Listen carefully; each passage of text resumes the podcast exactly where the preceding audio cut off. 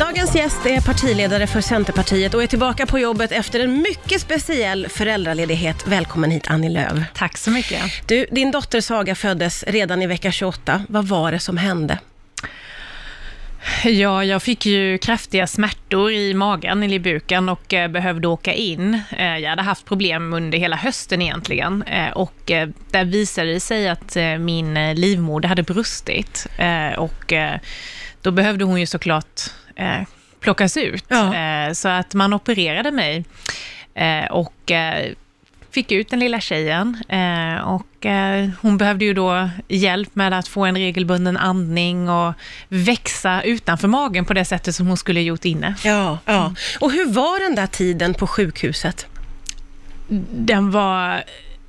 Det var, liksom en, det var så märkligt, för det är ju gränslös kärlek. Man hade blivit mamma för andra gången. Eh, man såg det här lilla knytet som var fantastiskt fin, tyckte man ju.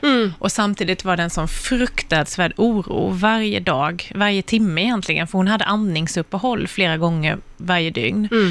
Och eh, när man sa hej då till henne på kvällen där, för man gick och la sig några timmar i eget rum, så kände man att jag ligger lite till, jag håller henne lite till, för man hade den här oron över att eh, hon inte skulle klara sig.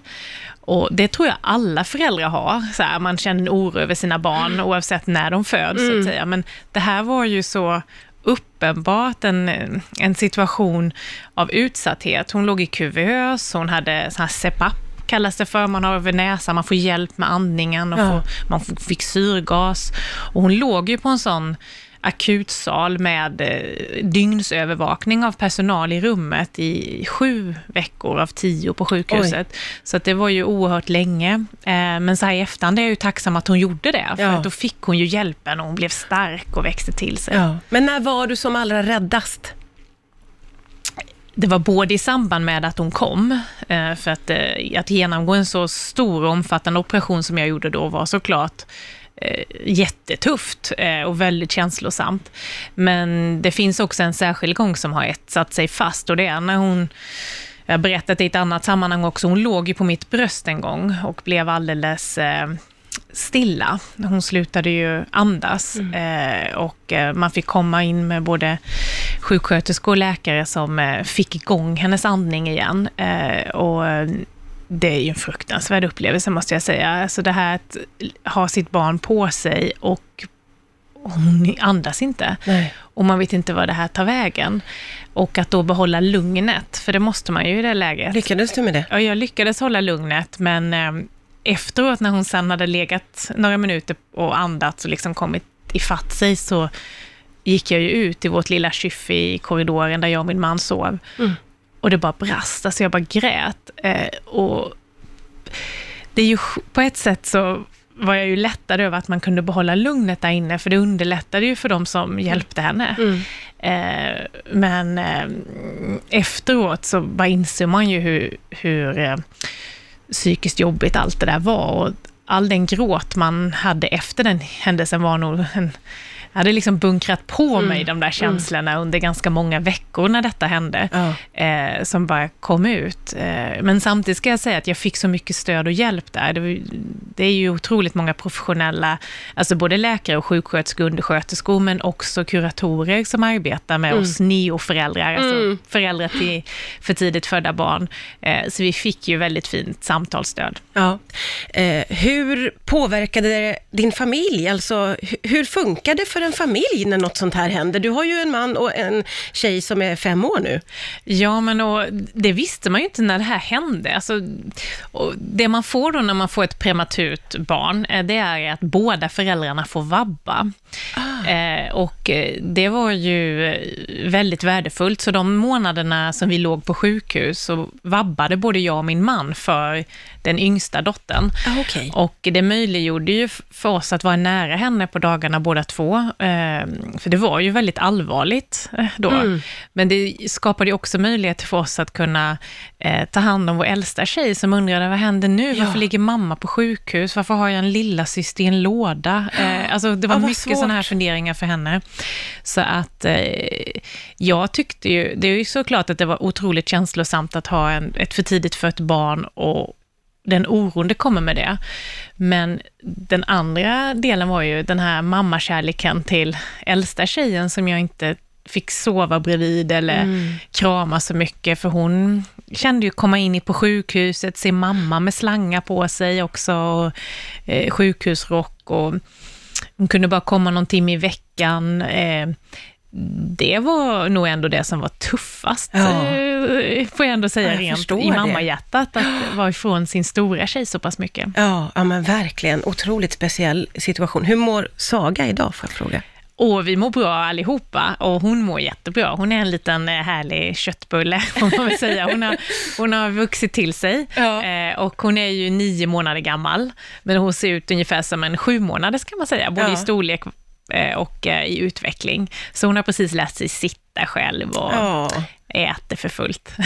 Får jag fråga, eh, du tillbringade ju väldigt mycket tid eh, utanför ditt jobb, utanför politiken. Hur var det att, jag förstår ju att du var naturligt, hade allt fokus på det här, men du, du fick liksom följa allt som hände och det har ju hänt mycket i vårt land, eh, från hemma och sjuksängen. Hur var det som partiledare? Väldigt speciellt. Eh, för att man är ju ett politiskt djur på det sättet att det är inte bara mitt jobb 8 till 5, utan jag lever ju ett liv som partiledare. Det är ju en, en identitet på något sätt ja. som alltid är med den och helt plötsligt så orkar man inte och man är inte där. Och så händer då coronapandemin som är ja, men både en ekonomisk kris och en hälsokris. Mm. Och så är man inte där i sitt politiska ledarskap, så att det kliade ju jättemycket i fingrarna. Eh, På vilket sätt kändes det? Nej, men man vill ju vara där och förhandla och påverka och eh, man vill vara, vara där och ta ansvar när det är tuffa, allvarliga saker. Det är ju då ens ledarskap prövas.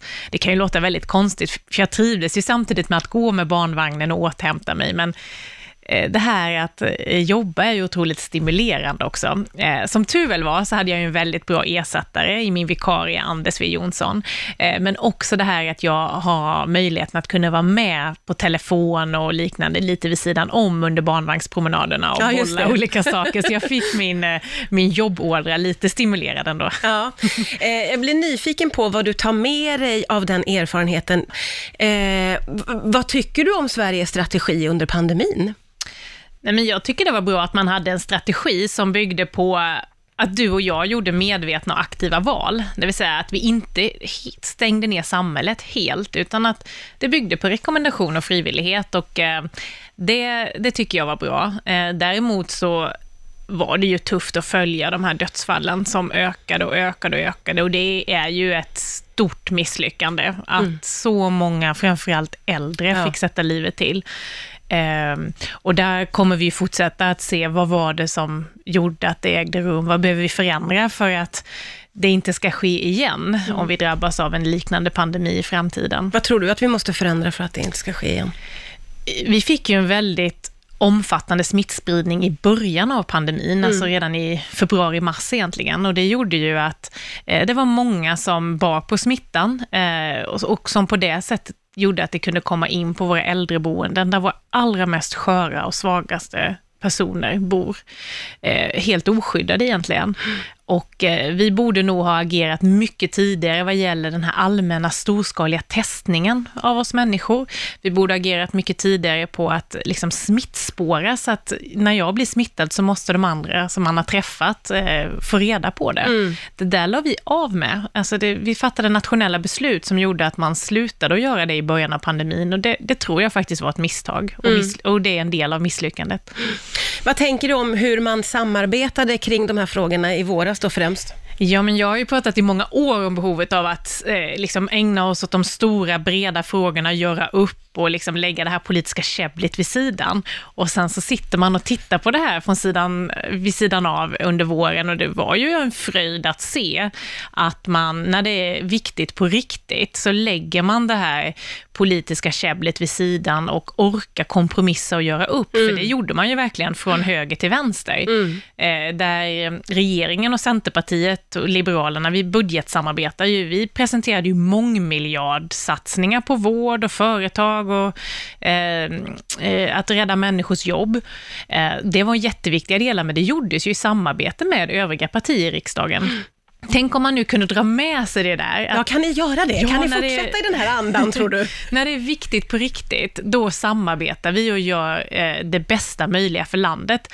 Det önskade jag att man skulle tagit med sig nu framåt. Tyvärr så ser vi väl nu att det har återgått till lite mer av det normala, men eh, jag kommer göra vad jag kan för att den där känslan ska vara kvar framåt, för det är ju många viktiga frågor nu som ligger på bordet. Mm. Ja, gud ja. utöver coronapandemin så har vi ju både gängkriminalitet, klimatet, eh, hur vi ska pressa tillbaka arbetslösheten. Och det där är viktiga frågor där vi behöver samarbeta för att det ska bli skillnad.